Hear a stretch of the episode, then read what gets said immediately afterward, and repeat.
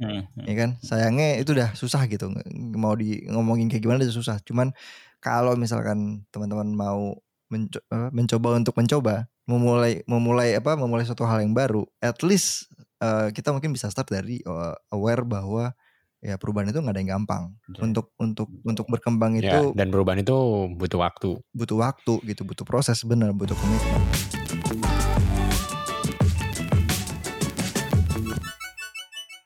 Halo, assalamualaikum.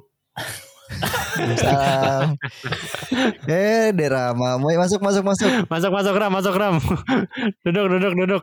Yo yo yo, anggap rumah sendiri aja. Kan biar sopan gitu. Katanya semua semua hal tuh dimulai di asa- dalam assalamualaikum dulu gitu kan. Waalaikumsalam Waalaikumsalam. Tapi nggak nggak- nggak semua hal dong. Kalau lu mau maku kayu itu nggak mungkin pakai assalamualaikum, pakai Bismillah kan. Ma maku payu tetangga Assalamualaikum ke tetangganya. kan izin dulu. Kan nanti kalau nggak izin dimarahin. Loh kan Assalamualaikum kan salam bukan izin Kalau izin kan Boleh nggak gitu. Assalamualaikum. Boleh nggak saya mengenal kamu lebih jauh kan gitu. Nah Tapi daripada mengenal lebih jauh orang lain, mending mencoba mengenal lebih pada diri sendiri gak sih? Wih. Lu bener. Makin ajaib nih dia nih. Oh iya, ajaib sekali Iya, kamu sekarang. Ben. Ajaib sekali memang Rama nih. Kayak ini Enggak, enggak. Soalnya kan nggak tahu ya. Kalian ngerasa gak sih banyak orang kayak pinginnya kenalan sama orang, padahal dia kenal diri sendiri itu belum gitu loh. Hmm. Tal- Talent dalam dalam dia tuh banyak gitu kan. Cuman Hmm. biasanya orang tuh suka ah kayaknya nggak bisa ya gitu. Nah, padahal dia belum mengenal dirinya sendiri gitu. Dalam nih, dalam Rama nih. Udah jadi Apa-apa? ajaib kan. gitu banget. Jadi gimana?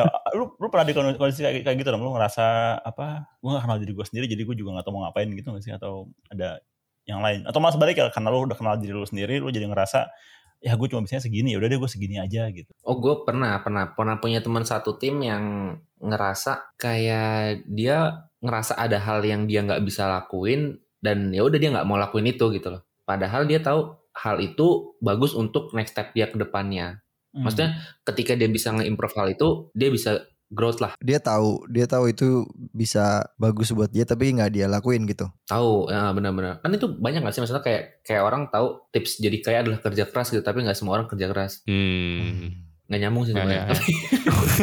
gue lagi berusaha mikir nyambungnya di mana.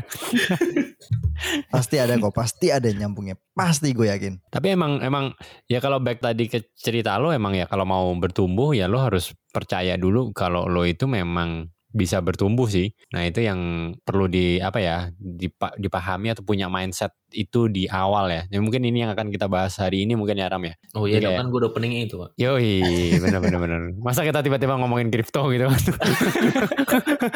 Rama udah ngomongin mengenal diri sendiri lebih dulu gitu. Hari ini kita ngomongin kripto gitu kan? Opening gue udah peak performance tuh kan.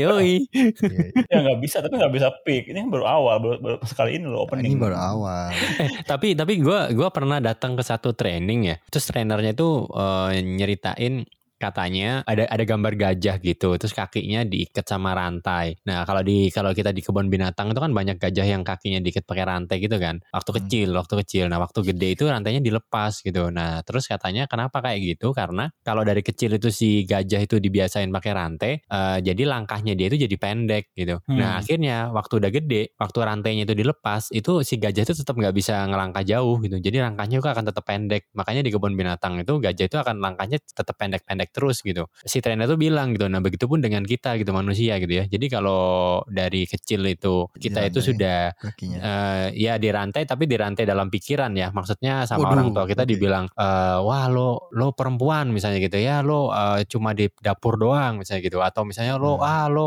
anak eh, ini anak dusun Anak- misalnya gitu lo nggak bisa Hmm. ke mana-mana gitu ya atau udahlah ngapain lo tinggi tinggi lo eh, apa Didoktrin gitu kerja ya Heeh, Hmm. jadi maksudnya dari kecil itu didoktrin kayak gitu nah itu dia akan eh, waktu gede pun itu dia nggak akan punya mimpi yang besar gitu. Jadi Hmm. dia nggak dia akan ya udah segitu aja gitu. Udahlah gue gini-gini aja misalnya di, diminta gitu ya mimpi terbesar lo apa? Gitu. Udah mimpi terbesar gua udah ini aja di di desa gua gitu. Di- Iya, disuruh iya, keluar iya. nggak berani disuruh mimpi yang besar nggak berani. Ya karena itu dari kecil itu diikat tadi gitu ya dirantai tadi buat dia nggak bisa berpikir eh, besar gitu. Nah gua nggak tahu itu eh, si gajah itu beneran kayak gitu atau enggak tapi kalau manusia itu eh, make sense sih gitu. Jadi kalau kita dari kecil itu tidak dibiasakan gitu ya mimpi yang besar dan tidak dibiasakan bahwa dunia itu sebenarnya luas gitu ya. Kita itu akan tentu kayak mikirnya ya udah eh, pendek-pendek aja gitu. Nggak berani buat berpikir lebih dari itu gitu. Ya itu itu lumayan make sense kalau menurut gue makanya kan ada apa ada orang-orang ada orang tua orang tua yang model parentingnya gitu kan apa eh, membuka peluang ke anaknya sebesar besarnya gitu kan yang apa mengencourage ayo kamu bisa ini kamu bisa itu. Hmm, jadi hmm, apa pas hmm. udah gedenya kan juga nampak lebih pede gitu kan. Gue ngeliat hmm. temen gue tuh kecil yang orang tuanya cenderung kayak gitu pas udah gede emang terbukti wah anjir anak jadi bisa kayak gini ya gitu. Tapi sebaliknya ada juga yang apa eh, yang kelihatan orang tuanya rada apa opresif dari kecil gitu. Pas udah gedenya ya meskipun dia mampu akhirnya nggak nggak gimana gimana banget gitu. Karena itu kali mindsetnya udah kayak gitu ya. Tapi gue gak tahu mungkin juga kalau anak gajah dibebasin dia aku mau nggak mau jadi gajah aku mau jadi harimau gitu. Dia, dia pengen, pengen terbang gitu. ibu aku harimau mulai hari ini. Aing teh maung di dia gitu kan. Jadi loreng-loreng, gajah tapi loreng-loreng. kalau kalau gue boleh nanya ya ini kan sebenarnya kan hal yang kayak yang iya emang iya gitu kan emang make sense dan kayaknya yang ya apalagi mau dibahas gitu kan nah tanpa membuat channel ini nampak kayak channel podcast ini nampak kayak podcast motivasi gitu ya sebenarnya ada nggak sih real, real case-nya di mana kita jadi nggak bisa maju gara-gara eh, apa gara-gara di kepala kita kita nggak yakin bahwa kita bisa kayak begitu gitu. mungkin Pau ada pengalaman nggak Pau kayak gitu gini Pau Nah jangan-jangan eh, lu berpikir, oh kita nggak bisa jadi chan- channel motivasi. Nah ini salah satu limiting beliefnya Wah juga. bener bener. ini salah satu bentuk limiting belief ini ya iya, iya. Bayangkanlah kita adalah harimau. Ini podcast harimau. Iya apa namanya? Nggak maksud gue gak tau lu di mana sih di, di, di karir karir teman-teman ini ada case di mana apa? Lu jadi gagal maju karena di kepala lu lu udah kalah duluan gitu dalam tanda kutip. Waktu itu pernah, kalau dibilang pernah sih pernah ya. Waktu itu apa ya? eh, kayak gue merasa di persimpangan gitu loh. Kan dulu sebelumnya kan awal-awalnya kan eh, gue jadi programmer kan. Nah jadi berangkatnya dari dari, dari apa karirnya itu jadi jadi seorang programmer freelancer sendirian gitu kan yang ngerjain proyekan lah waktu itu. Terus tengah-tengah tuh kayak ngerasa apa iya ya ini yang harus ya apa apa, iya ya ini karir yang gue mau lakukan gitu kan. Eh, di situ ada ada tendensi gue melimit diri sendiri gitu kayak ah Mhm. kayaknya gue nggak bisa deh jadi programmer yang yang apa yang yang hebat gitu yang apa sih namanya yang yang andal gitu cuman waktu itu gue nggak kepikiran itu sebagai gue melimitasi diri sendiri sih dan ap- apakah itu ke- keputusan yang benar atau enggak waktu itu gue juga nggak tahu gitu kan gue cuma cuma ikutin ya, insting kali ya lebih eh, ke pemikirannya aja tapi waktu itu lebih ke apa namanya merasa merasa membatasi diri sih waktu itu cuman Mhm. Em, Mhm. akhirnya di situ gue sadar kayak ah ini kayaknya eh, mungkin mungkin emang bukan di sini jalannya mungkin bu- bu- mungkin bukan bukan ini karir yang mau gue lakuin tapi cara pemikirannya nggak boleh kayak gini gitu. Nggak boleh Hmm. yang gue membatasi diri tapi akhirnya gue mencoba untuk membuka diri justru. Mungkin di situ kadang gimana ya kadang kadang kita juga bingung gitu. Kapan kita membatasi diri kapan kita men-challenge diri. Nah, itu yang gue rasain sih. Cuman kalau gue mencoba menyimpulkan waktu itu akhirnya kenapa gua nge- merasa akhirnya gue tidak membatasi diri adalah ketimbang gua menutup diri akhirnya gue membuka diri jadi yang gue merasa ah gua nggak bisa ini gua nggak bisa itu segala macam justru gua berpikirnya gue bisa apa lagi ya selain ini Mhm. jadi Mhm. bukan berarti oke o- anggaplah oke gue gua gua nggak mau ngelanjutin kerjaan A ini gitu sebagai programmer tapi bukan gua fokus ke bagaimana gua selesai gitu tapi gue mencari ada lagi nggak ya yang bisa gue kerjain itu itu sih kalau itu pengalaman gua sih. Hmm, Itu gara-gara lu ngerasain kali Pau. Minder biasanya minder. Kita wah kita nggak bisa di sini, gue cari yang lain kali ya. Nggak- ah, ah, iya iya. gitu. iya iya. Karena kan eh, kalau kita ngomongin limiting belief itu kan salah satunya minder juga kan ya? Salah satunya minder. Waktu itu gue juga ngerasa minder kayak kok ya gua nggak nggak jago-jago amat lah gitu kayak dibanding yang yang gue kenal orang-orang yang gue kenal gitu nggak gue nggak sejago itu gitu. Eh, ya udah akhirnya Cuman akhirnya itu Oh. sih akhirnya mungkin mm, ujung-ujungnya jadi lebih baik karena gue ngerasa gue bukan menutup diri tapi mem- membuka diri. itu gue pernah apa ya eh, baca buku. Yoi, gue gue lagi cosplay gue jadi Aji mumpung dia lagi di mute ya. Ketumben yang eh jadi yang gue baca itu pertama ini mungkin nggak gitu relate cuman ya agak relate aja sih. Yang penting kan pertama objektif dulu ya kita mau ngapain gitu. Eh, dari ap- dari kita udah tahu objektifnya tuh eh, percayalah pada diri kalian sendiri kalau kalian itu akan jadi yang terbaik gitu jadi jangan jang, eh, jangan settle dengan number two number three number four gitu jadi always I'm for the best Eh, di di situ tuh eh, kalau misalkan emang lu dari awal nggak aiming untuk jadi yang terbaik, mending lu stop dari dari di awal sih. Jangan jangan jangan mulai sama sekali kalau lu emang nggak pengen jadi yang jadi yang terbaik. Kecuali lu udah ngelakuin, lu udah aiming yang terbaik, lu udah failed di situ, ya udah lu baru membuka diri, baru sih kayak gitu. Jadi lu istilahnya pivot ya. Tapi berarti kan kalau kayak membuka diri itu kejadian setelah kita tahu ya, apa setelah kita kenal diri kita sendiri ya. Oh saya bisa ini. Iya itu dia, itu dia benar. Uh, Masalahnya- bentar, bentar, bentar. bukannya membuka diri itu ketika kita nggak kenal sama diri kita sendiri, kita malah membuka diri ya. Kalau gue nggak nggak tahu kebalikannya justru orang setelah tahu bahwa oh kayak gue cuma segini nih, oke saatnya gue membuka diri gue supaya bisa berkembang kayak kasarnya kayak gitu gitu. Hmm, tapi tapi yang perlu kita sadarin juga gitu ya, eh, mengenal diri itu perjalanan seumur hidup sih bro. Jadi maksudnya nih, Oh, kayak iya. misalnya gue kenal Aji yang tadi eh, waktu 15 menit kita sebelum podcast gitu ya, sama Aji yang sekarang itu udah Aji yang berbeda gitu kan. Jadi kalau kalau katanya siapa ya filsuf Yunani itu kan kalau lo itu nyelupin kaki lo di sungai, habis itu lo tarik lagi, terus habis itu lima menit lo masukin lagi kaki lo di sungai, sungainya itu udah sungai yang berbeda gitu, karena airnya udah ngalir gitu kan. Nah jadi Oh iya, itu eh, kalau sungainya ngalir. iya kalau sungai sungainya mampet nggak ya?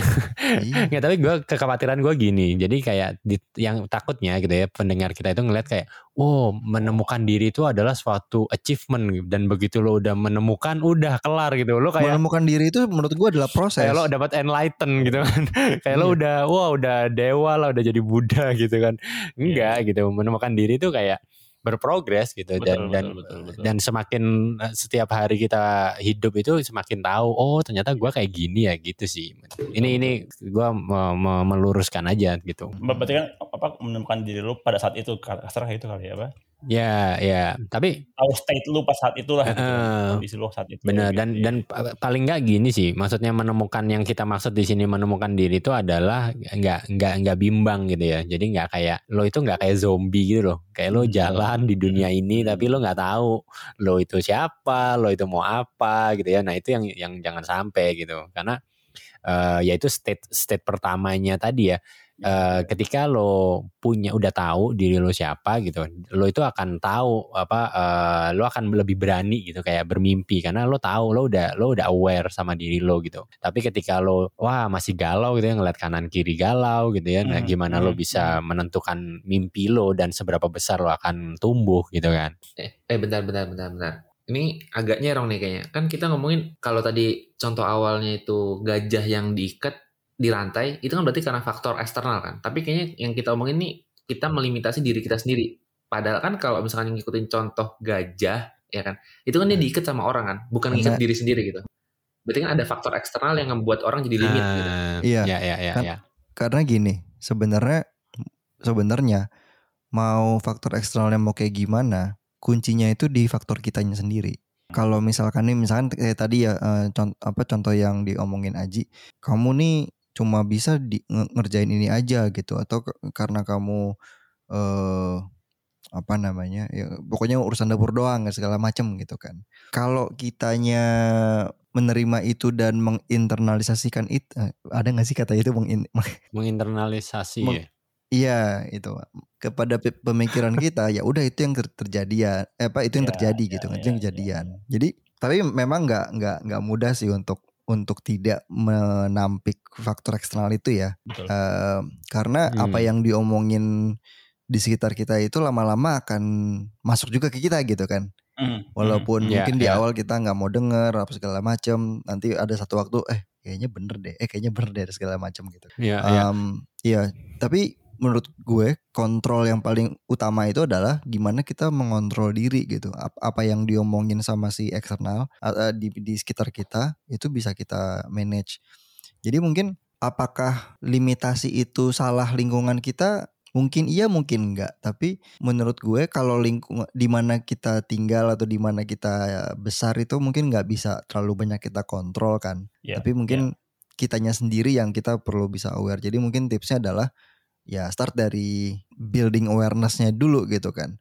Maksudnya Hmm, kalau benar, misalkan benar, kita ya kan kalau misalkan kita dapetin feedback atau kita dapetin komentar atau atau ya omongan lah gitu kan kamu harusnya jadi gini gini gini gini gini gitu em, jangan telan mentah-mentah gitu. Terutama kalau misalkan yang yang demotivating gitu ya atau yang apa ya nggak encouraging kita untuk untuk untuk jadi seseorang yang berkembang gitu jangan telan mentah-mentah sih saran gue jadi biar kita bisa Hmm. memikirkan lagi gitu apakah memang memang iya gitu komentarnya memang cocok atau pas gitu dengan kita kita juga belum tahu kan Iya, iya.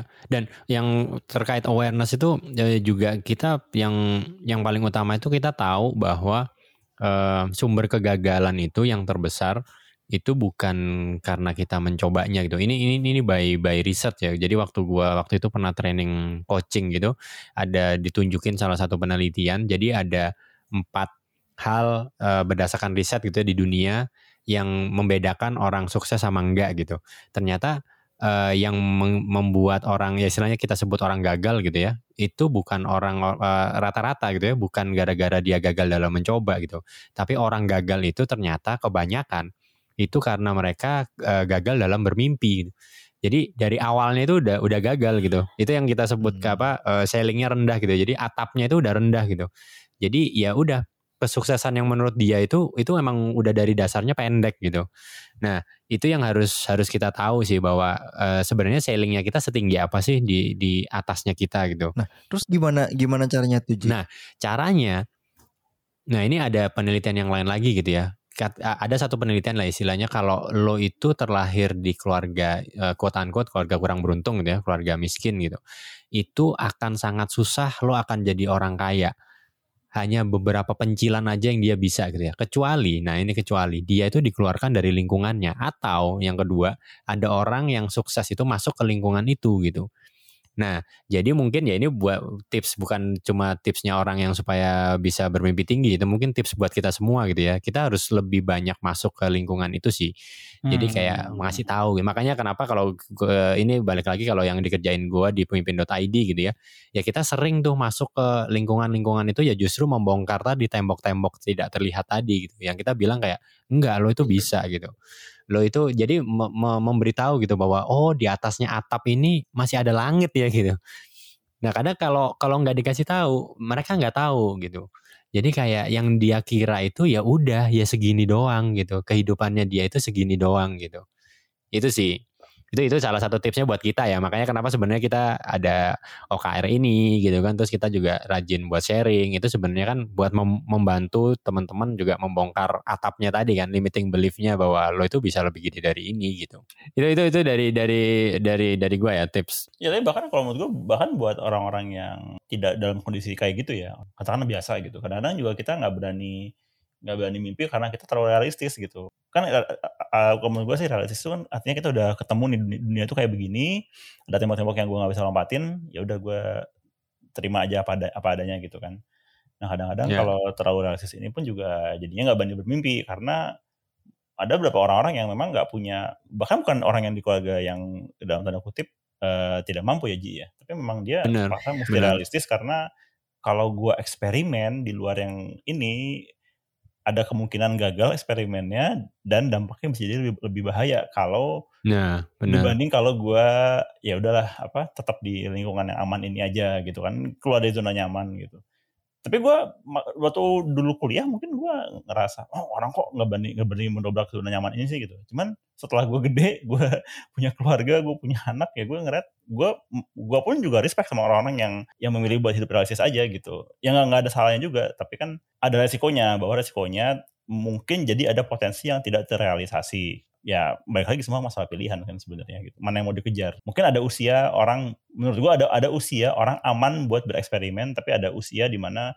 makin tua ya eksperimen itu bakal makin mungkin butuh perhitungan lebih matang lah nggak bisa langsung dieksekusi gitu kan. Hmm, hmm, Nah, tapi ya, kuncinya di, ya. di itu tadi ya untuk untuk bisa tahu mana zona nyaman, mana mana dinding yang kita nggak bisa loncatin, mana dinding yang mungkin bisa kita loncatin, itu pengalaman kan. Nah, dan untuk dapat pengalaman itu berarti kita perlu punya keinginan untuk mencoba gitu kan, Men- ke- keinginan mhm, untuk mhm. bereksperimen gitu. Jadi eh, dan ini nggak akan kejadian kalau kita udah kalah di bermimpinya itu, kita Ya, udah kalah di di awalnya gitu Benar, kan. Jadi benar. gimana? Oke, kalau gitu gini, gimana caranya kalau misalkan ada seseorang yang misalnya, oh gue ngerasa eh, gue stuck di depan nih gitu. Gimana caranya gue bisa ngedobrak itu gitu? Kan kalau kalau kalau udah tadi kan eh, angle-nya Didit sama Aji kan untuk orang yang udah punya pengalaman kan. Udah untuk orang yang udah udah bisa mulai ngebangun awareness-nya gitu. Tapi untuk orang yang belum sama sekali atau belum ngeh lah gitu. Gimana sih caranya biar biar at least ngeh dulu. Oh, gue jangan stuck di malu bermimpi ini gitu. ada gue mau practical tips itu buat itu tuh. Karena sebenarnya ngomongin eh, berpikir pesimis ya gue gue mencoba untuk berpikir pesimis sebenarnya orang-orang yang dalam posisi itu tuh nggak akan dengerin apa kata Aji nggak akan dengerin apa kata gue nggak akan dengerin apa kata Didit. Pau itu kayak nggak masuk sih. Karena eh, orang-orang yang ngerasa dirinya udah terlimitasi tuh mindsetnya udah kayak ah gitu loh nggak nggak nggak mudah buat dibacotin pakai kata-kata gitu kan nah kalau practical tips gue untuk orang yang kayak gitu Nah tapi nggak, lu kasih tips tapi dia nggak nggak mau dengerin. Oh iya. Tapi kedengeran, ini kedengeran. ah udahlah. Tapi balik lagi, balik lagi. Practical tipsnya adalah cabut dari lingkungan lu sekarang dan start new fresh. Karena Hmm. nggak tahu ya, gue mungkin gue nggak bisa ngomong gue ngelakuin hal itu. Cuman gue ada beberapa, ada cukup banyak teman yang ketika mereka benar-benar lepas dari lingkungan mereka saat ini yang ngebuat mindset mereka sekarang ngerasa tertutup dan mereka pindah start fresh orang-orang nggak kenal dia orang-orang nggak punya nggak punya apa pendapat tentang dia itu bener-bener bisa start from zero gitu jadi lepas dari mindset mindset Hmm. sebelumnya dan dia bisa lebih eksperimen terhadap uh, banyak hal sih itu sih Tapi, tapi itu kan komitmennya tinggi. Komitmen tinggi, resikonya Iya. besar. Ya.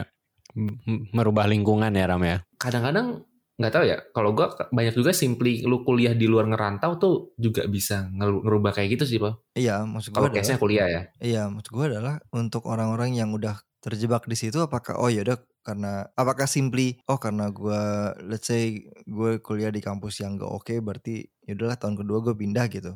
Tapi kan nggak semudah itu kan. Ada nggak cara yang lebih less effort gitu. Kan nggak nggak tahu sih gue sih mikir cabut dari lingkungan yang sekarang cari lingkungan yang baru itu kan sounds very adventurous ya. Belum tentu semuanya bisa gitu. Ada nggak menurut lo yang bisa gitu buat Em, semua Maksudnya Rama mungkin eh, apa kayak bertemu lingkungan baru gitu kayaknya Pau. Jadi nggak yang kayak bener-bener kayak oke gua kabur dari rumah gua, dari keluarga gua gitu terus cabut terus mulai semuanya dari nol lagi gitu. Kayaknya.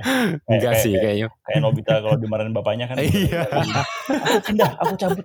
Iya, iya benar sih. Maksudnya kadang-kadang juga sesimpel kayak misalkan lu kalau nongkrong sekarang sama anak-anak komplek gitu ya. Nah, lu ganti deh tongkrong ganti, tongkrongan deh ke anak-anak mana gitu.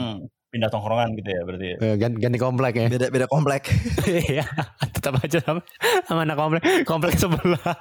Terus lo musuhin komplek lo yang lama. Tapi menurut gua tapi ini kan sebenarnya ngomongin transisi kan. Kita kita kepikiran ini, kita pengen cobain dan kita nggak berani gitu. Ya mungkin tipsnya sederhana, cobain aja dulu gitu.